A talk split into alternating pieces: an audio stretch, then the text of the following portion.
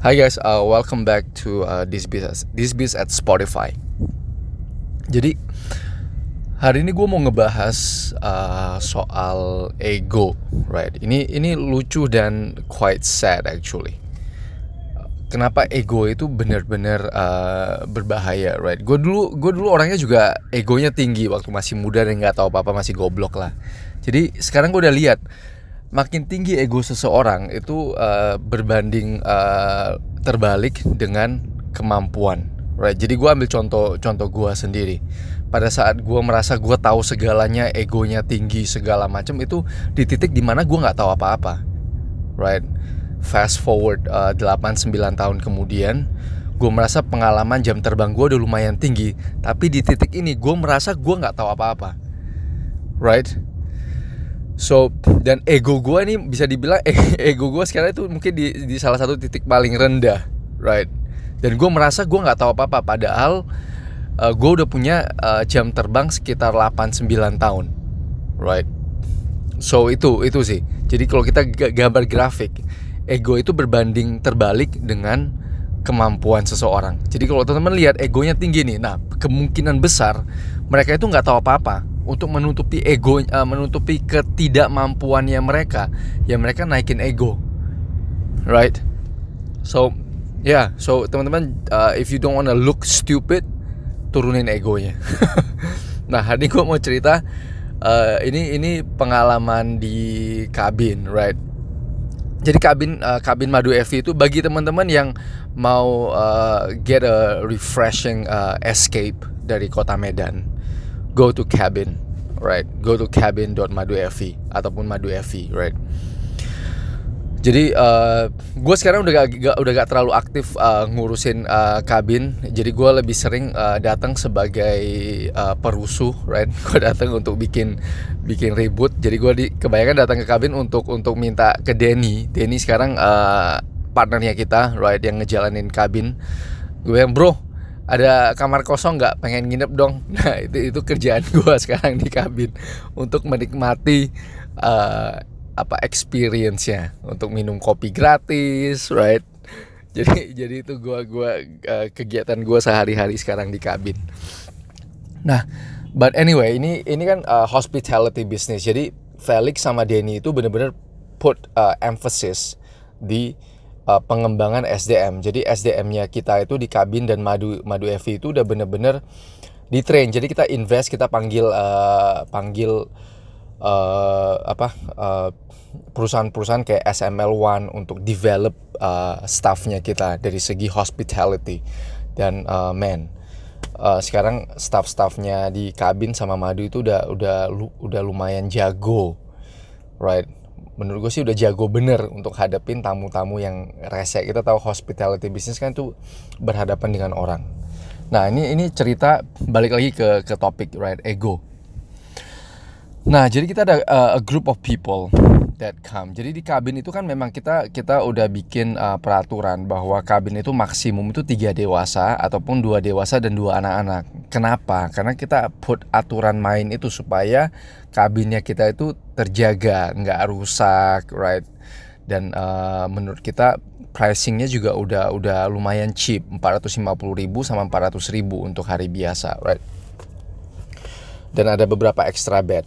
Jadi kita udah make sure bahwa tamu kita itu nyaman dan kita mau jaga juga kabinnya kita itu supaya jangan rusak right jadi kenapa kita put aturan main di di di kabin? Dan banyak sih cerita hospitality bisnis yang yang lucu-lucu. Jadi kadang gue sama teman-teman gue suka share. Bagi teman-teman yang ngejalanin hospitality bisnis itu jadi kita suka share right? cerita-cerita tentang tamu yang what?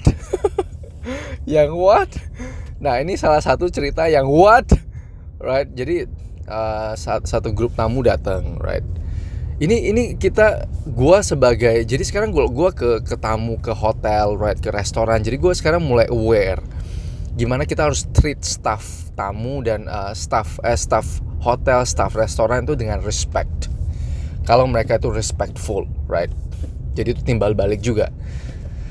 Nah, jadi kali ini datang uh, udah bookingan uh, bookingan 5 kamar, right? 5 kamar artinya maksimum 10 orang uh, dewasa ataupun uh, 15 orang dewasa dengan uh, sleeping bag right dan uh, dengan uh, jumlah anak-anak jadi booking 10 orang dan peraturan kita jelas pada saat bookingan kita udah kasih tahu limitnya Nah, jadi datang sang tamu, segrup tamu datang booking 5 kamar berarti 10 orang ekspektasi kita yang datang itu sekitar 20 orang. Right? 7 anak-anak, 13 dewasa.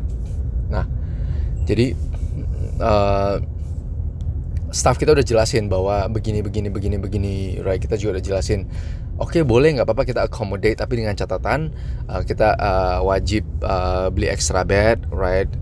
Uh, wajib begini begini begini sang tamu marah maksudnya uh, nah ini ini ego yang kita harus cek right sang tamu marah kan kalian nggak ada bos di sini udah nggak apa-apa selipin aja gitu-gitu right mulai mulai suasana udah mulai gak enak nah tamu uh, staffnya kita bilang maaf bu nggak bisa karena peraturan begini begini begini kita jelasin lagi uh, makin marah right alah hotel Sontoloyo segala macem bla bla bla ya kita lagi-lagi kita udah ada training, right? Staff kita udah training dan kita udah maaf ya bu ya, memang nggak bisa peraturan begini. Makin escalate, right? Tamu makin escalate ya kita bilang tetap nggak bisa. Nah akhirnya tamu ini, sang grup tamu ini kehabisan akal, nggak bisa nggak bisa engage di kan ini yang kadang kita harus perhatiin teman-teman di hospitality business. Kadang tamu itu sengaja mau engage supaya kita masuk salah. Kita kita bales kembali, kita marah kembali ke tamu. Artinya kita ranah kita udah marah, right? Kita udah salah karena tamu itu king, right? Kita harus selalu address them respectfully. Biarpun kita ada aturan main, kita tetap pakai cara-cara yang kita udah udah jalanin ya kita respect respectfully kita uh, bales bilang maaf ya bu aturan begini. Nah akhirnya sang tamu udah kehabisan akal, saking tingginya egonya, mereka cancel. Jadi mereka hangusin 5 kamar itu Berarti sekitar 2 juta mereka rela hangusin Udah jauh-jauh datang Mereka hangusin jam 3 sore Balik lagi kembali lagi Cari lagi mungkin hotel di Beras lagi Habisin lagi duitnya Right So Ini yang ini ini ego Yang costly Right Selain habis waktu Selain bikin mood hancur Habis uang Lebih baik kalau sang tamu pada dasarnya itu mau mencari jalan tengah, mau mencari win-win solution. Kita udah udah udah offer win-win solution bisa kembali lagi dengan normal, right? Jadi sang tamu itu lebih rela untuk habisin duit saking tingginya ego. Ini ego sih. Ego yang berbicara karena mereka udah merasa udah kalah. Dan mereka nggak bisa accept karena egonya itu terlalu tinggi, nggak bisa accept bahwa mereka itu udah at the wrong place, right? Udah di di posisi yang salah, in the wrong position. Mereka gak mau accept that. Mereka gak mau turunin ego bahwa oke okay, oke okay, oke okay, gak apa-apa lah gue bayar. Yang penting gue mau happy happy and they they mereka relain untuk hangusin uang itu habisin waktunya. Kembali lagi kan gak mungkin balik lagi ke Medan tiga jam nyetir pasti cari hotel lagi di Brastagi right? Instead of nyaman-nyaman di kabin happy happy barbecue right? Ikutin aturan main and you just wasted it right? You wasted your money.